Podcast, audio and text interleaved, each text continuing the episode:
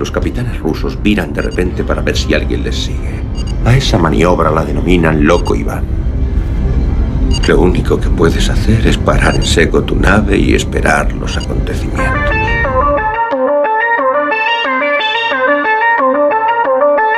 Galasphere 347 of Space Patrol calling unidentified ship. Good night,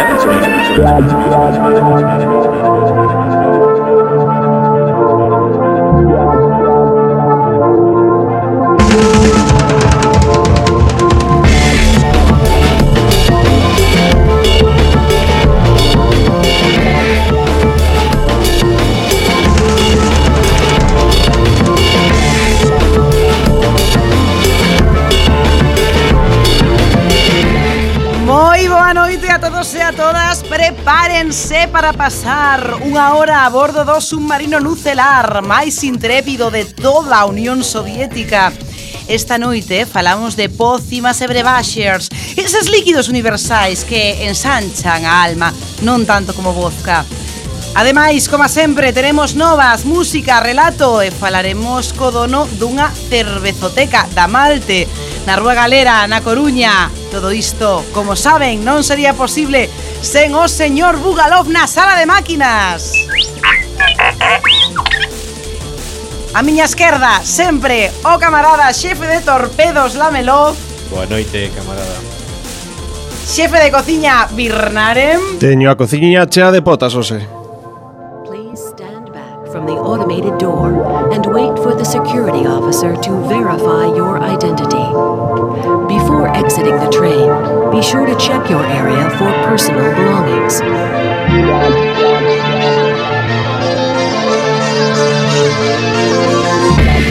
Deixaba este momento de subida estelar de música para presentar a noso intelectual moderno de merda, o oh, Tovarix Esmendrellev. Boa noite a todas e a todos.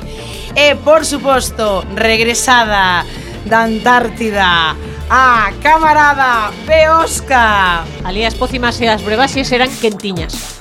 Saudamos a capitana Esbletana Ibaruri Isto é Loco Iván Comezamos.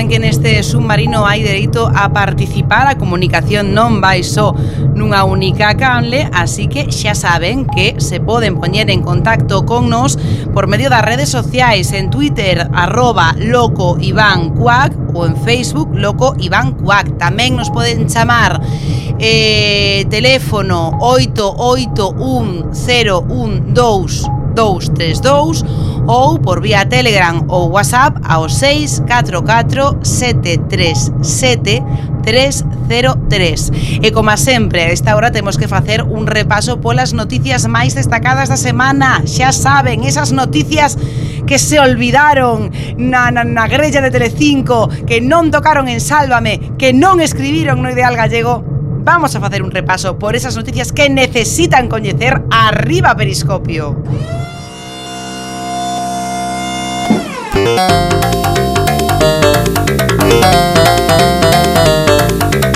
Quack FM Loco Iván. Periscopio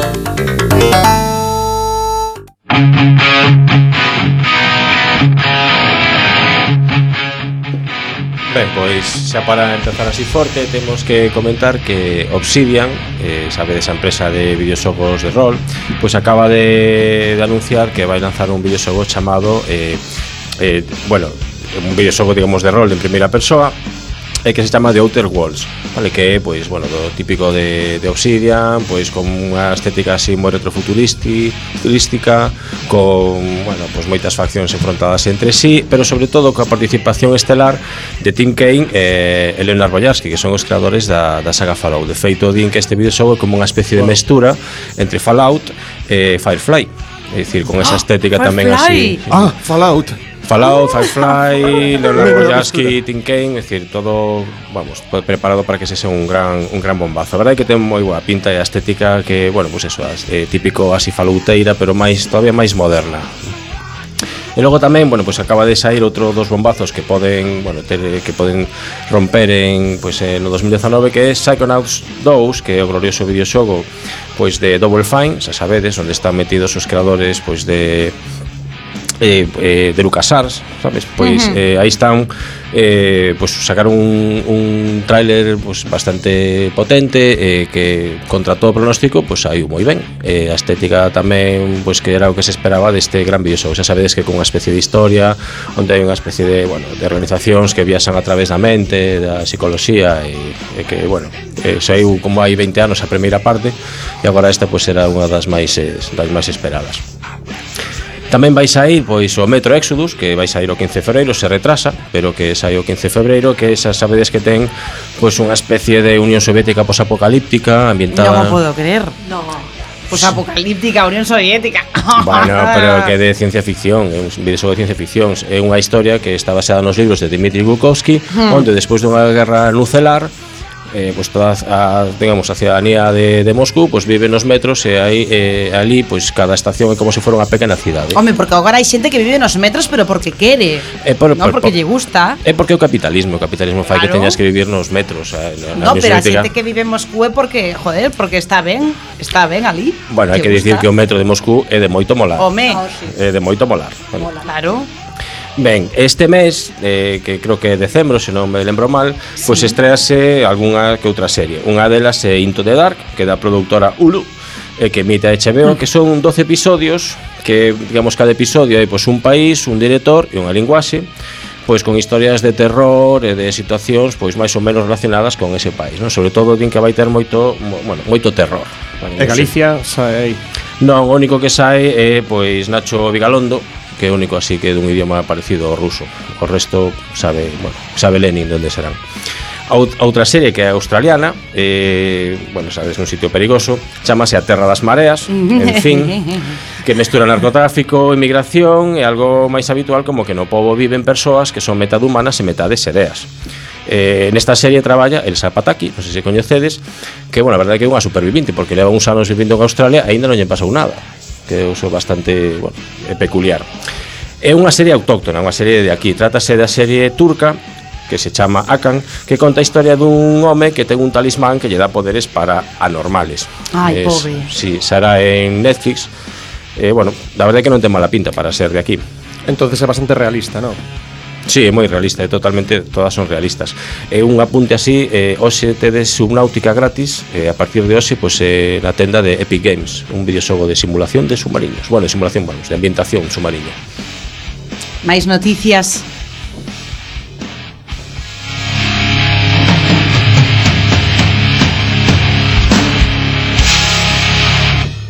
Bueno, pois nada, eh, comentar a todos os amigos do extraño que segundo confírmate Hollywood Reporter, a quinta entrega da franquicia do ere máis cancerígeno da, da historia, o noso amigo Vingador Tóxico, vais a converter pois nunha realidade, non? Eh, que é un proxecto de notable presuposto que agora mesmo está nas manos de Legendary, a productora, e que Lloyd Kaufman e Michael Hirth as dúas cabezas pensantes que no seu momento tomaron parte do, do proxecto do Vingador Tóxico continuarán figurando como produtores executivos da nova vida deste superhéroe.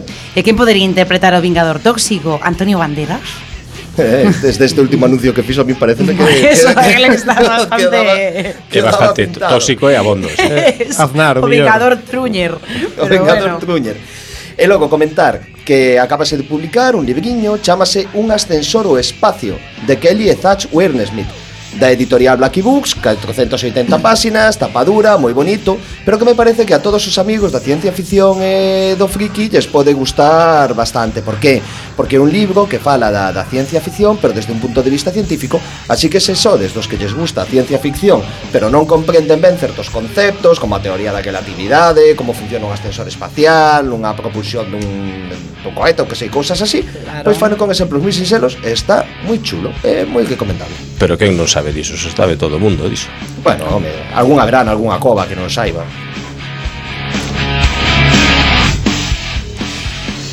Jaime Altozano, xa sabedes, un dos pouquísimos youtubers que libran do Gulag, acaba de sacar un novo vídeo que é moi aquelado co tema de hoxe, que estamos con eh, pócimas eh, e eh, brevaxes, pois sacou un vídeo que se titula Por que a música de Harry Potter soa tan máxica que, que máis sitios pode haber con máis pocións que en Hogwarts e todo isto.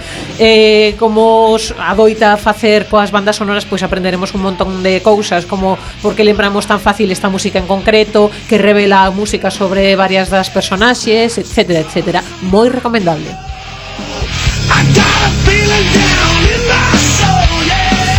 Eh, para rematar unha nova tecnolóxica e é que o goberno de Coruña acaba de salir de sacar a Millennium Próxima que é para poder, bueno, pois a, a tecnoloxía e, e os móviles poder eh, pois pagar o servicio de, de bus a través do, do teléfono móvil e outra serie de, de usos E non se queda a zaga tamén os buses metropolitanos porque tamén avanzan en esta medida. Para eh, submarinos vale para submarinos, eh, bueno, habrá que falar coa capitana para a que próxima actualización. Para que o incorpore. Eh, creo que tamén está o alcalde de Vigo para instalar un app para medir os, eh, os lúmenes da, das luces eh, conforme pasas por un lado ou por outro, non? Non hai medidor que aguante iso. Pero, sí. pero bueno, eso próximamente, eso aínda está en probas eh, e Bueno, chegará. que sea a última vez que aquí se fala mal eh, do camarada Camallerov, porque vamos a ver, con que enfa lle vendimos ¿Cómo? moito uranio para esas luces, eh? E isto nos está reportando, por exemplo, que non teníamos que comer a merda que faz diariamente, o sea que poderamos contratar un catering, así que un bico para Dinoseto. Un bico.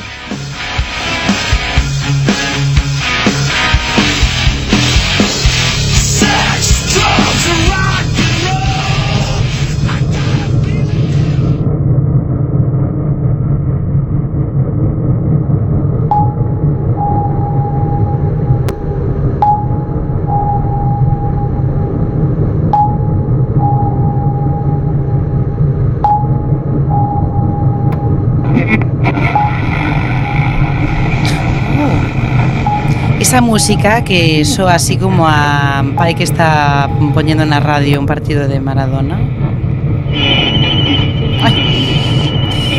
Debemos estar aproximándonos á sala de radio señor Bugalov. Hola, Boa noite. eh, eso, eso se o di vostede que boa noite. Home, claro.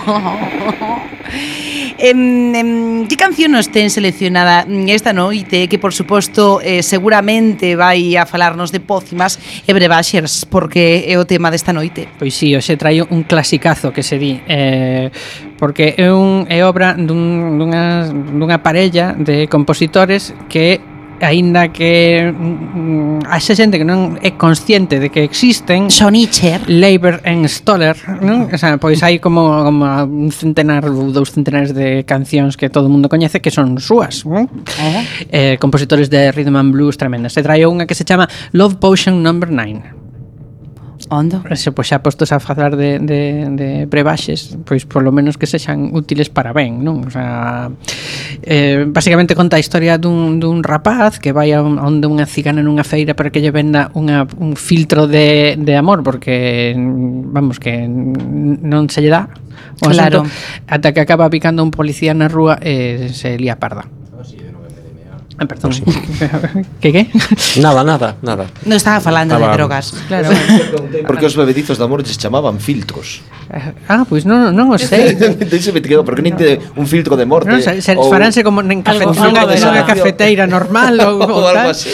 Pero claro, algo haberá que filtrar, po... claro, ti colles o corazón e logo tes que filtralo ben para ter o... O filtro ah, de amor, digo eu, non algo así. Eh, ou o pasas polo turmix ou o filtras. Como o mellor é que se ha posto a usar un bebedizo filtras ben obxectivo, sabes, para que non che saia. Compre dicir que esta non é a versión original de 1963 dos Searchers, senón a dos Coasters de dous anos despois. Ah, menos mal vale. que ah, senón, que, que senón sei claro. que ia Un abrazo, un abrazo para os Coasters. Ia desnotar a, a mí non me enganabas. Eh. Vale, sí. sí. Pois pues eso.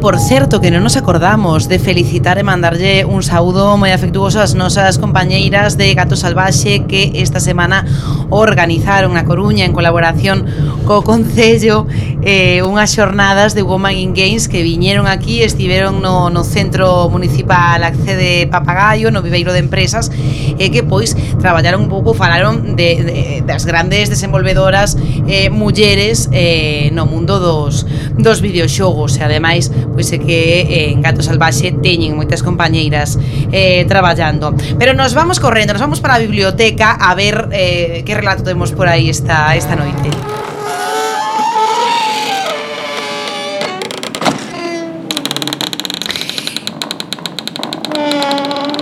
Ese sonido mierder eh, continúa aí. Eh, pero bueno, só vou deixar claro que continúa aí. Eh, Biblioteca e, por suposto, como sempre que entramos na biblioteca, temos que ter a colaboración do noso intelectual moderno de Merder, un IMM, eh, o noso IMM, o noso camarada Esmendrellez, que nos va a comentar, vai coller un libro completamente azar, agora vai facer unha especie de, de vai cerrar os ollos, sinda que vostedes non o ven. Eh, eh, sí, sí, vai facer unha interpretación realmente realmente deplorable. E eh, vai escoller o azar un libro Eh, un libro que seguramente terá que ver con algo de, de, de, de, de pócimas. É que eu se non sei hasta que punto será o azar, capitana, porque sinto unha forza que me posúe, que penso que o destino que leva a miña man, a miña man, a miña man leva Está oh. drogado, eh? Está totalmente, está drogado total. Eh, claro. Sí. no sé. É o día perfecto. A princesa prometida. Oh, mola. Bueno, bueno, Bueno, a Princesa Prometida, pois a coñecemos todos, é unha novela romántica de fantasía, foi publicada no 73 polo recentemente finado, tristemente, William Goldman, Ai. e a xente coñecerá os que sean máis bibliófilos como a min, pois pola, pola noveliña do 73 e os máis cinéfilos por adaptarse ao cine no 1987, cunha maravillosa película cuyo guión foi escrito polo propio Goldman, que tamén era guionista, e dirixido por Rob Reiner. William Goldman dixo desta obra que recibiu máis feedback sobre a Princesa Prometida que sobre todo demais que fixera, fora todo tipo de, de extrañas cartas efusivas que recibiu que hai algo na princesa prometida que afecta a xente eu cando li esta cita pregunteime ah, que máis fixeches? Non, porque xa dicen que son máis bibliófilo que, que cinéfilo, pero que o tipo este era a, a, a, a hostia, non?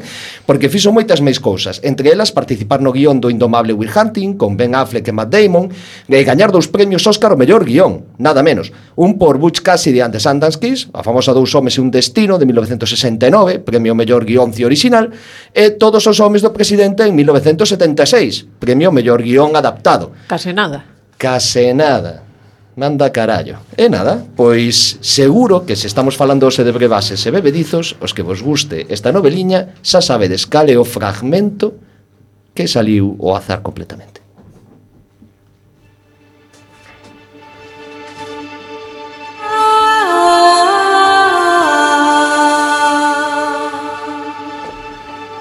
Non me cabe duda de que poderías matarme. Cualquiera que hubiese derrotado a Íñigo y Fezzik no tendría problema en eliminarme. Sin embargo, si os ha ocurrido que si lo hicierais, entonces ninguno de nosotros conseguiría lo que desea, pues vos habríais perdido la razón de vuestro rescate y yo la vida.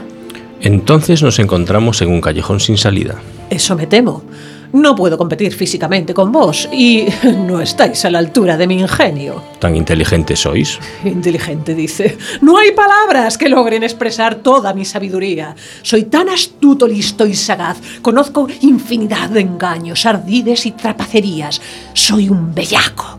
Y soy tan perspicaz, tan cauteloso como calculador, tan diabólico como ladino, tan artero y poco digno de confianza que... En fin, ya os he dicho que no se han inventado aún las palabras que logren explicar la grandeza de mi cerebro.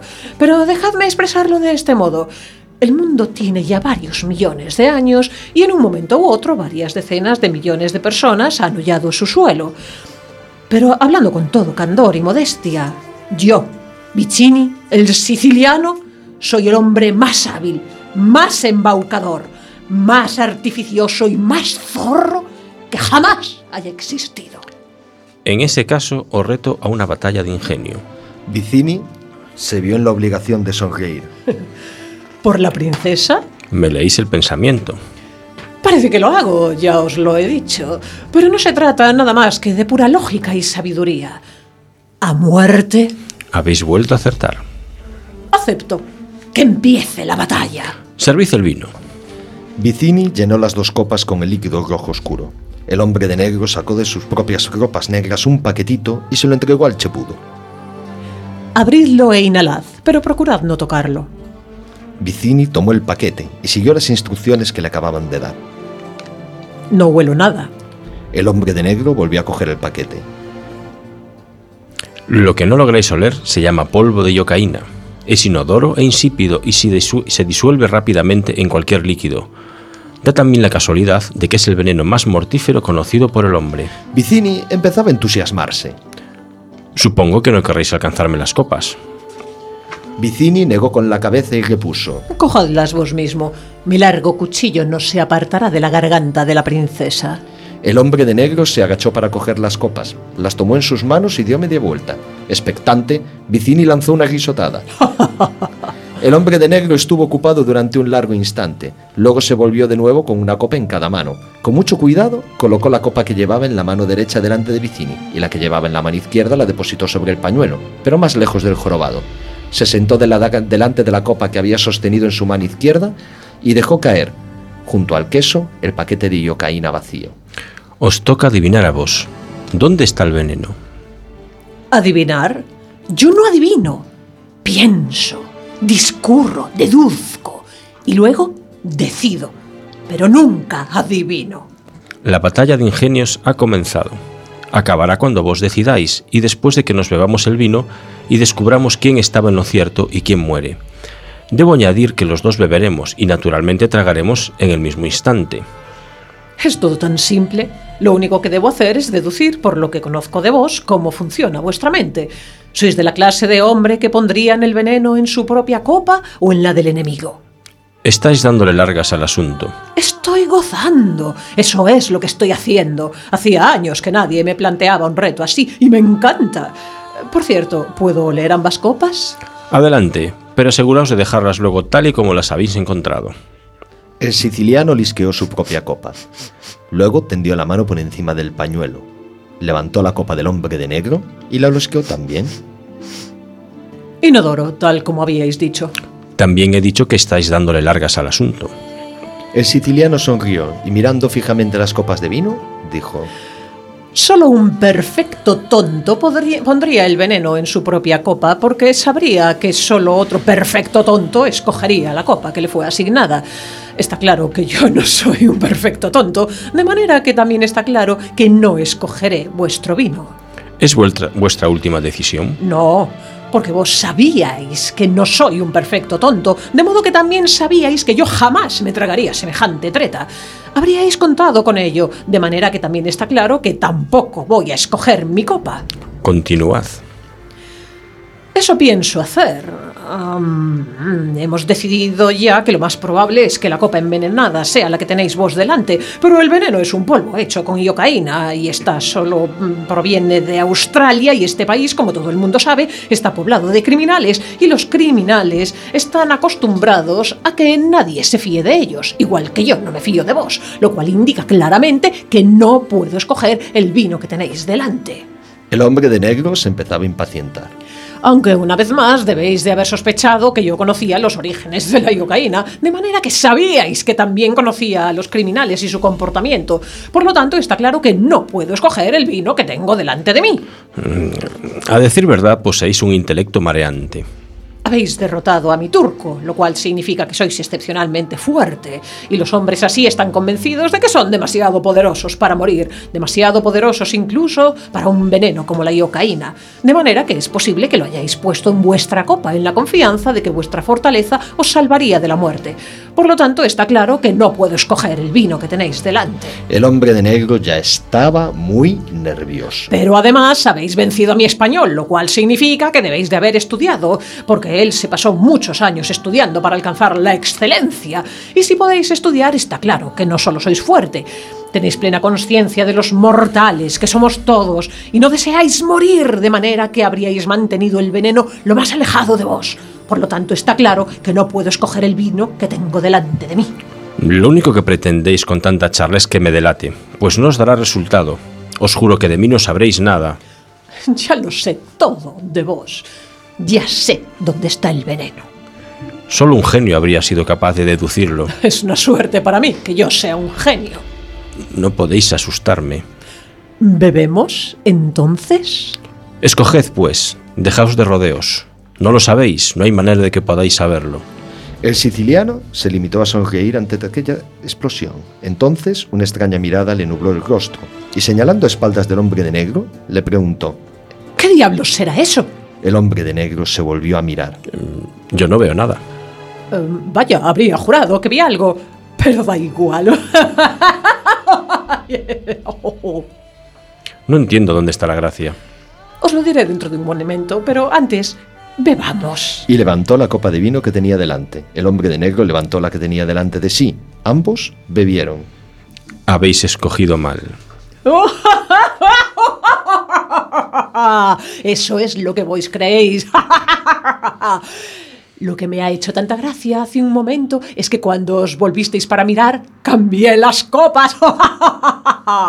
El hombre de negro no tenía nada que decir. ¡Idiota! Habéis sido víctima de un craso error de lo más clásico. El más famoso aconseja, cuando estés en Asia, no participes nunca en una guerra terrestre. Pero este otro es un poco menos conocido. Jamás contradigas a un siciliano cuando entra en juego la muerte.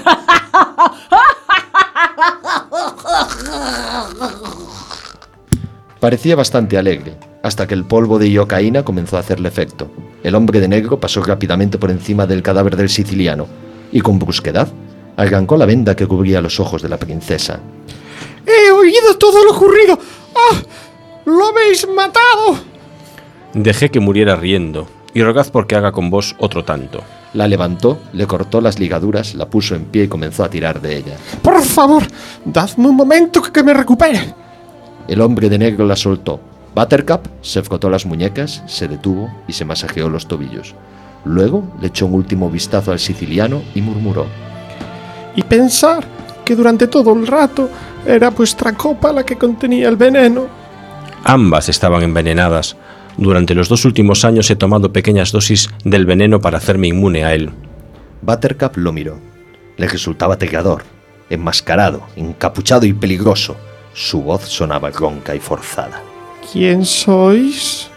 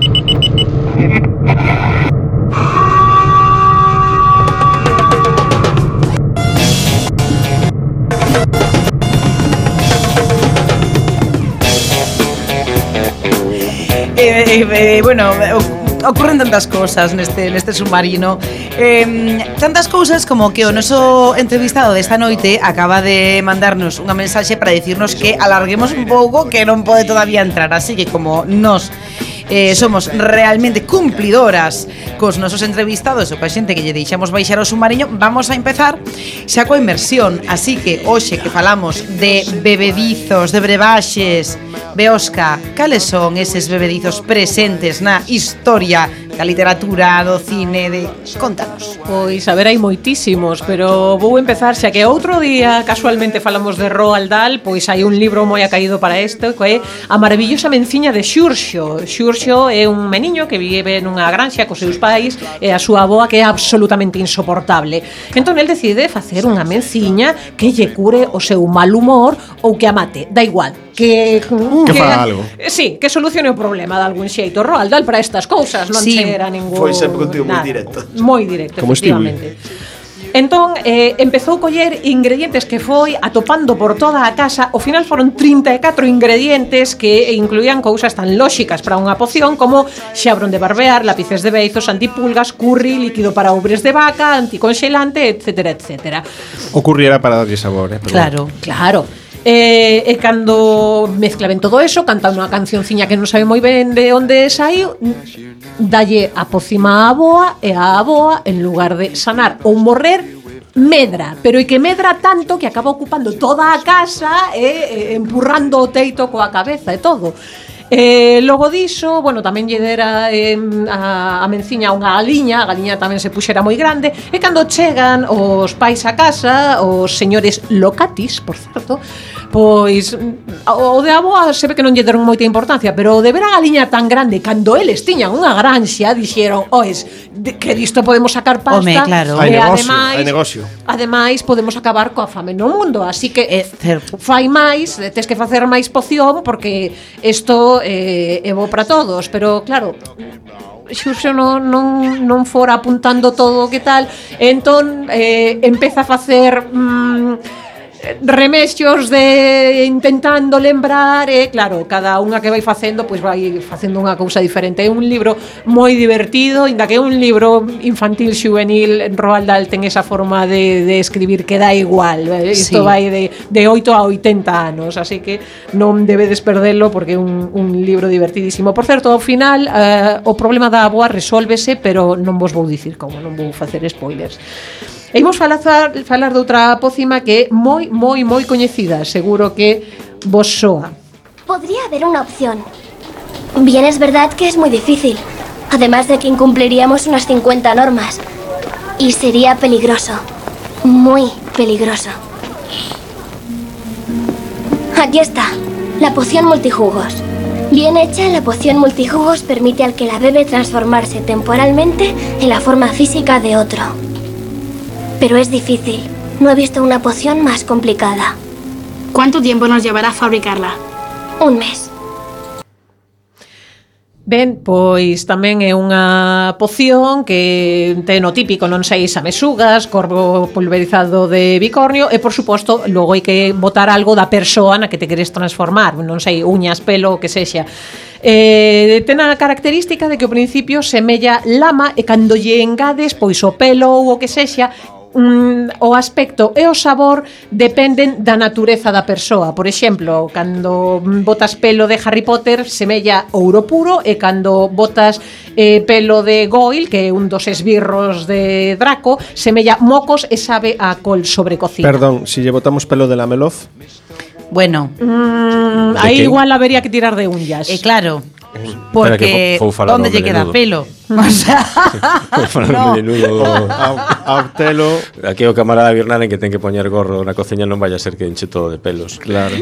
Aí estamos. O que sí está claro é que se queres facer a poción multixugos tes que ter unha boa razón porque como xa escoitastes é moi difícil de facer, eh, leva un mes enteiro, eh, poden expulsarte de Hogwarts, eh, ademais cando a bebes, pois é como se che retorceran as tripas, como se tragaras serpes vivas e logo todo o teu corpo corpo cambia para eh, adaptarse a, a forma da outra persoa. Así que non é agradable. Mm, non o fagades na casa se non é absolutamente necesario.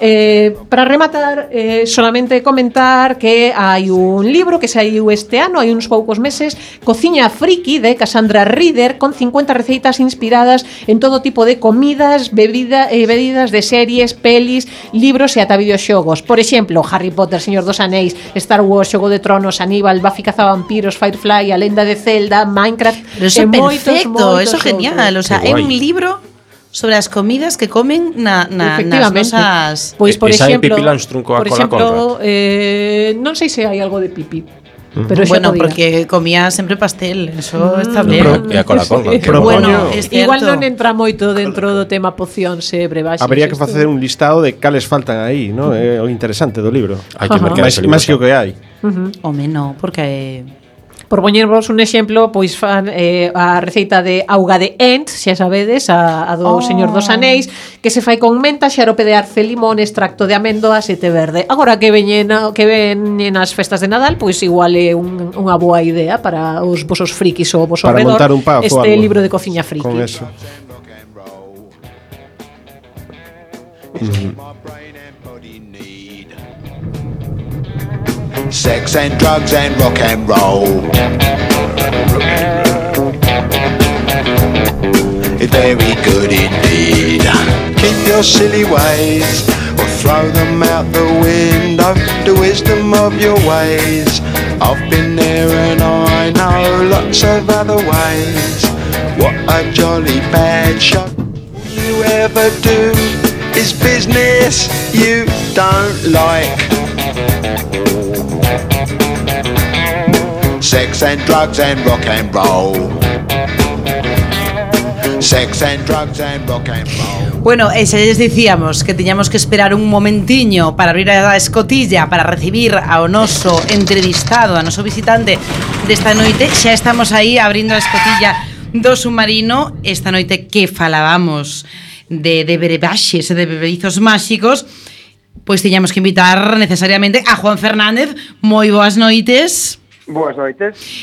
Juan, que así, de principio, Juan Fernández non nos dicimos, bueno, pois non sabemos quen é, quen é, pois é un home, un coruñés que hai uns anos montou na Rúa Galera, eh, bueno, cerca da Praza da Galera na Coruña, unha cervexería de cervexas eh, de cervexas bastante míticas, que é o Malte. Moi boa noite, Juan, primeiro contanos, ti que és experto, cal é a diferencia entre unha cervexa artesá das que molan dunha, digamos, así un pouco máis eh, máis convencional, máis comercial.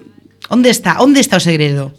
A ver, a diferenciación hoxe por hoxe facémola basicamente entre cerveza industrial e cerveza eh, artesanal ou craft. Veredes me sempre indicado un pouco o de craft, o bicraft e demais, un pouco para englobar esas cervexeiras que fan as cervexas dun método diferente ao que estamos acostumados a todo agora, que é o método industrial, é dicir, o proceso que levan a maioría de marcas do mercado que teñen copado, pois en España casi o 98% do mercado. É dicir, uh -huh. entendámonos, Estrella Galicia, eh, Mau, Mau, Mau San Miguel, sí. Verano, eh, Cruzcampo, Amstel, Estrella Dam, Ámbar, etc. Vale, serían as marcas industriais. A diferencia, é dicir, como fan o proceso? Pois o proceso basicamente utilizan unha cantidade moito menor dos, dos elementos necesarios para lavar unha cerveza e utilizan unha calidade peor para forrar custos, evidentemente, e pasteurizase o produto. Que facemos ao pasteurizar o produto? Eliminamos eh, o, o elemento fundamental e máis importante para a elaboración da cerveza que é a levadura é dicir, unha pasteurización é un proceso no cal eh, o que estamos a facer é eliminar calquer microbio, calquer patóxeno externo que poda contaminar e facer que esa cerveza evolucione dunha maneira negativa, pero tamén estamos eliminando eh, a responsable neste caso de que a cervexa se cervexa, porque a cervexa se non hai levadura, se non hai un proceso de fermentación no cal se convirtan os azúcares en CO2 en alcohol, non é cervexa. Eh, é un, un, un, un mosto de malta, entendámonos. Eh, que pasa? Que ao non haber levadura e converta, como vos, come, como dicíamos, o CO2 en alcohol, perdón, o CO2, os azúcares en CO2 en alcohol, pois eh, tamén hai que gasificar forzadamente como se si fose un refresco. É dicir, como se faría eh, en vegano a Coca-Cola, da mesma maneira, entendámonos. A cervexa artesá, a cervexa craft, pois ao contrario. É dicir, o proceso evidentemente é o mismo, os elementos siguen sendo os mesmos, auga, maltas, a maioría de cebada, lúpulo e levadura, pero todo de primeira calidade, todas as cantidades que ten que levar a receita como se marcan un pouco nos cánones, e evidentemente mantendo a levadura para que faga ese proceso e faga eh, a refermentación secundaria no envase, e siga evolucionando co tempo. O paralelismo que sempre fago a xente para que entenda é como un viño. Nos, o viño non, non entendemos que o viño non evolucione. Por eso sempre, sempre pon o añada no viño, eh, non te plantes tomar un viño blanco de, do ano 2012 non 2018 porque probablemente tomes algo que está xa nunhas condicións bueno, uh está daquela chuchi. maneira sí. pois eh, na cervexa sería un pouco igual hai cervexas que te levan unha evolución mellor e outras que levan unha evolución peor nunha cervexa industrial pois evidentemente podes tomala pasado ese tempo ou o tempo de consumo preferente que se marca o fabricante pero non, non é un produto vivo que vai a ter unha evolución é un produto pasteurizado é un refresco con alcohol entendámonos Oiga, estábamos aquí bastante fascinados con todo o que estaba contando. De feito, aquí o, o, o camarada Birnaren estaba xa despexando a, a X da, da ecuación non do entre do CO2 eh, e os azúcares. Pero, eh, Juan, tamén te queríamos eh, preguntar, por que? Sí. Na cervezoteca Malte, ademais de, de que nos venden e que de podemos probar centros de, de cervexas todas artesanas, tamén colaborades digamos, na produción de algunhas, sí, non? Explícanos sí, un pouco isto que eres eh, mecenas cerveceiro. Sí, bueno, pues, sí, facemos, a ver, comezamos xa hai uns anos inicialmente fixemos a primeira incursión cunha cervexa para conmemorar o quinto aniversario do local. Este ano, no mes de febreiro, celebraremos os nove anos de Malte, levamos nove co proxecto, comezamos en Panaderas no 2010, trasladámonos no 2012 a Rúa a Rúa Galera onde estamos agora, bueno, por, por estar un pouco máis céntricos e por ter unha cociña local innovar eh, no aspecto gastronómico eh, tanto cociña con, como con cervexa, esa era un pouco a idea inicialmente.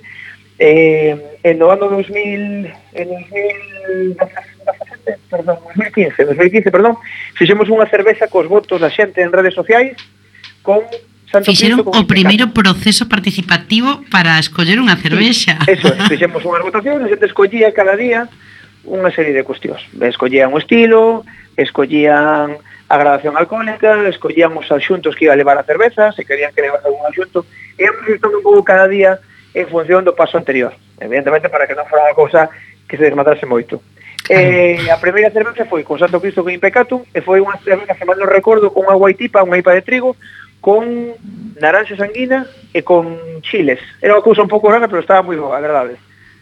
Eh, uh -huh. Esta foi a primeira, e foi un pouco a primeira incursión, se vedes un pouco de pistoletazo de saída, para comenzar a facer colaboracións con cervexeiras. Fixemos posteriormente eh, eh, con Impecatum, son de Ourense, unha sede colaborativa de catro cervexas, eh, estío, outono, inverno e primavera, eh, inverno especialmente foi exitosa e a que sigue manténdose a día de hoxe. É dicir, as outras non seguiron fabricándose. Inverno tivo tantísima demanda en países como eh, Polonia, Rusia, Home, claro. eh, Bélxica, tivo un buntal que sigue fabricándose a día de hoxe. É dicir, este, este inverno vuelve a ir a inverno a pesar de que as outras da serie, as outras estacións, xa non se fan. Bueno, eh, pero era normal, era normal que, que os irmáns polacos sí. soviéticos evi, evi, inverno. evi, porque unha evi, de 15 grados que leva eh, 15 tipos de especies diferentes tamén e que vai ademais infusionada con Bourbon. É dicir, unha Que os soviéticos un... somos así. Sí, é así, é así. Vense, vense que o licor pegadeche ben. Pois isto é, é igual, é unha cerveza é un, é un licor convertido en cerveza.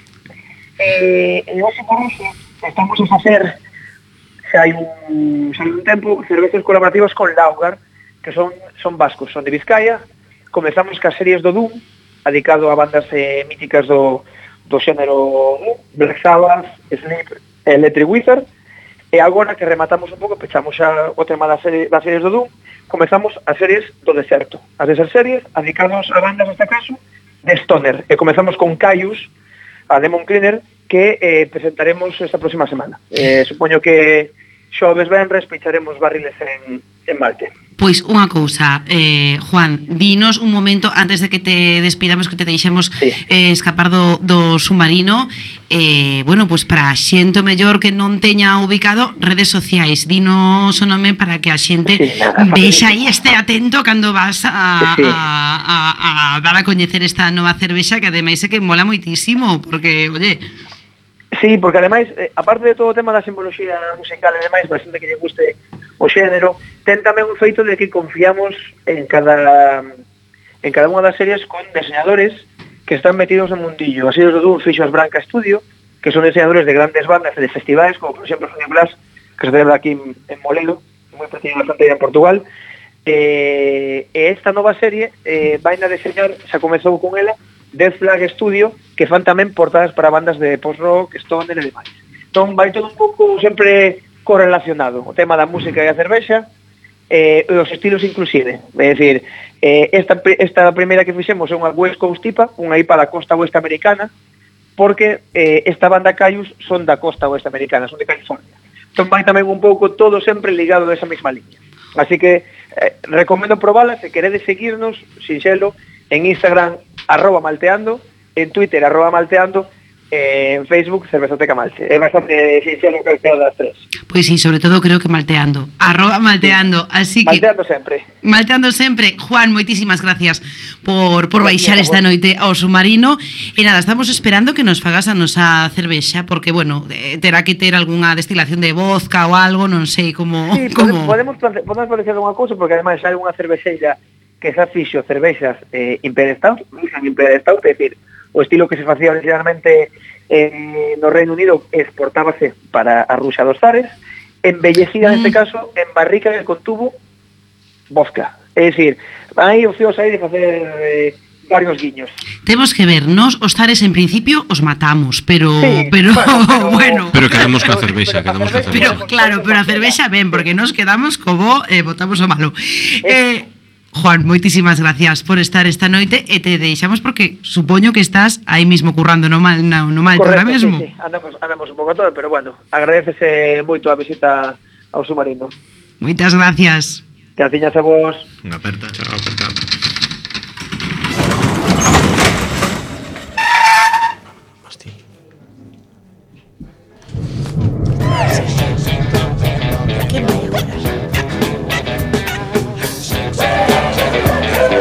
Bueno, pois nada, vamos a seguir logo coa nosa inversión. Estaba falando aquí a compañera Beosca na, na súa última aportación da receta da bebida dos Sents. Eh, seguro que todos recordades esa, esa bebida que lle deron os Sents a Maggie, a Pippin cando estiveron por ali na súa na súa terra, nunha saca de pedra, que foi tremendamente revitalizante e que eles se sentiron quentiños por dentro, que lle sentou guai e tal. Pero que que sabedes que se facedes esta receta de Beosca, ides medrar, porque foi o que lle pasou a Meg e a Pippin. Non sei se lembrades esa parte do señor dos anéis, non? E mesmo chegaron a medrar tanto que pasaron por riba da estatura do que fora hasta ese momento o hobbit máis alto de historia, coñecido por Toro Bramador Tak, ou Brandovas Tak, que sí, era pero, famoso. Pero, o eh. da boa de Xurxo non chegaron, non? O de, o de bueno, a verá que probalo. Se quedamos como Toro Gamador, era aí un home moi bragado, era un home que montaba en pony pese a ser hobbit, era un home que invitou o xogo de golf porque cando asaltaron os grandes trasgos a zona da Terra Media, petoulle co seu un pau, co seu bastón na cabeza o xefe destos orcos e nada, aí foi rodando a cabeza hasta parar un buraco. E así de paso que gañou a batalla, pois inventou ese, inventou ese xogo. Así que é moi posible que esa receta que dis que sexa enormemente positiva para todo deportista que se precie. Certo. E bueno, nada, simplemente comentar que a Tega Media ten moitísimas opcións de bebedizos e de comedizos específicos e agora con esta musiquiña tan Esa élfica unha música así entra... como que eu te vexo marchando para, non sei, moi sí. de Moledius esta Por Claro, no. así de sair de, de, con de falda, do xergón, brincando, paseando con el con Damán por aí, por, aí, polas zonas do bosque. Sí, con el De Lozorien. Cos cantiños. Ai, que maravilla. E que beben en Lozorien? Pois en Lozorien beben dúas bebidas élficas das que imos falar agora. Unha é o mirubor, tamén chamado cordial de Ilda, de il, a ver se o pronuncio porque o amigo Cuen ya teño un pouco o olvidado. Elfo, olvidado, elfo. De Claro Que ah. bueno, é un líquido tibio, fragante, transparente que destilan os elfos, parecido viño, que proporciona a quen o bebe renovada forza e renovada vitalidade. Os elfos nunca revelaron como destilaban, pero sábese que proveía das fontes dos jardíns de Yavana. E servido polos elfos jardíns? durante as festas. Entón, pois, bueno, que saibades que salvou a vida dos, dos compañeiros, non? Durante a tormenta de neve de Caradgas, Gandalf deulle aos membros da compañía un traguiño de Mirubor para revitalizalos, e así, gracias a eso, pois, salvaron a vida bueno, dos hobbits que se estaban moi moi refrigerados. Vamos a ver, eu me acordo perfectamente, eh? me acordo perfectamente aquela vez na Antártida que eu te din Jagermaster, que ti botaches para arriba naquel momento, eh, que te encontrabas a mm, próximo a, a mí, morte. sabes que? O Jaggermaster falase tamén no Señor dos Anéis da bebida que, que vitalizante orca, que non sei se lembrades que lladeron tamén a un dos hobbits cando estaban presos por debaixo dos túneles Goblin e decían que era como lume por dentro e daba era, era Jaggermaster. Eu penso que era Jaggermaster con Coca-Cola, estou convencido, pero vamos, o que tiña aí esa podgremia orca chusma, chusma dos, do señor oscuro que vai beber. Yagamasta, joder, que vai beber, Yagamasta. E nada, como última bebida e para dar paso ao seguinte compañeiro mencionar que os elfos que son moi de cousas milagrosas tamén teñen outro viño chamado limpé unha bebida moi fragante, moi parecida nas súas propiedades ao mirubor, pero que din que é a única bebida capaz de convertir un home nun elfo cun sogroliño. Inda que a única persona que chegou a facer eso coñecida na historia da Terra Media foi un humano chamado Eriol. Así que mira, inda podo acabar paseando da man de Elgon a pouquiño que me esforce e cun traguiño Bueno. de limpé. Bueno. Seguimos adiante. rifling through my possessions. What did you do? Summon the guards? Ah, there was no time. I feared he'd escape, refused to give him the chance. He stood with his back to me, so I attacked. He struck his head on a picture frame as we struggled. He was bleeding, dazed, and then he drew a knife. Everything happened very quickly then. I knocked the weapon out of his hand and pushed him hard. Ben, xa sabedes o que nos mola aquí, sobre todo a min, a saga de Witcher, neste submarino, tanto a de videoxogos como a, a dos libros. Esperamos que tamén a, a serie que vai sair en algún momento pois este a altura do resto.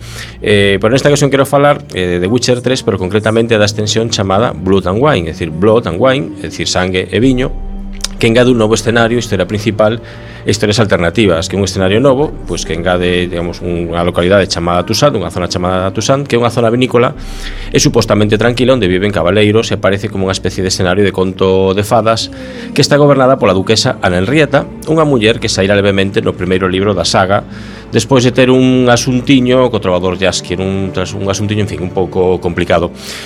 O contido, digamos, desta expansión, que é inmenso para ser eso, unha expansión, tanto na historia principal onde pues, eh, Gerald o Bruxo ten que investigar cousas de moito investigar como nas misións e aventuras que van saindo por todas partes, que de verdade que están curradísimas.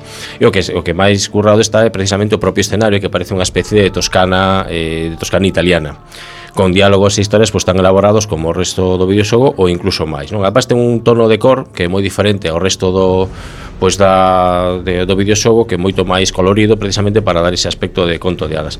Pero sobre todo porque é unha zona vinícola e onde, digamos, o viño ten unha importancia tremenda en toda a historia. O viño, digamos, alcohólico e outro tipo de viño que é o que levamos os seres humanos e algúns outras especies por dentro. Entón, por eso fai unha mestura onde, bueno, as, as aventuras que transcurren, pois xiran todo, pois tanto do viño como pois do sangre moi ben feito e ademais pois eh, acompañado tamén polas pocións de de Geralt, como por exemplo pois a poción de vaguas de viúva que elimina os efectos do alcohol. A verdade é que esta expansión é moi, moi, moi recomendable.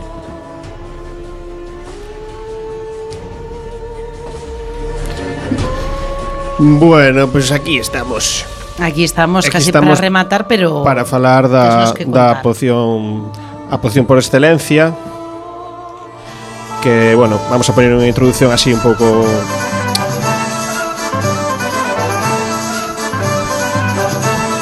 Pois, eh, eh, así de borrachuza. Pois estamos falando de dos borrachuzas dos, dos galos. Bueno, non son borrachuzas, bueno, bueno. Bueno, eran, estaban un pouco enganchados á poción máxica, non? Da que falamos. Era doping eh, que elaboraba, pois como sabemos todas, eh, Panoramics. E, bueno, vamos a desvelar a atención primicia a receita da poción básica, que era un hérdago cortado con fuce de oro, raíces, flores, ervas e algunhas especias.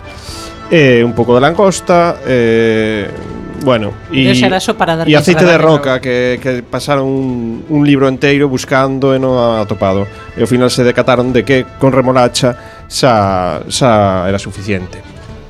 Eh, podemos poñer eh, outra outra música para, para ir sacar o final. Ah, no, non me, me, comi, me comunican aquí de, de, desde megafonía que isto xa rematou. Eh, megafonía que rematou. Benvidos, eh, digo, no, eh, bueno, no, adiante capitana. Xa nos vamos. Remate con nos. Vou te deixar rematar por hoxe. Vale, estamos rematados, estamos acabados. Eh, adiante, Bueno, camaradas. que os queremos moito, que nos vemos a semana que ven, bicos. Van vodka con moderación.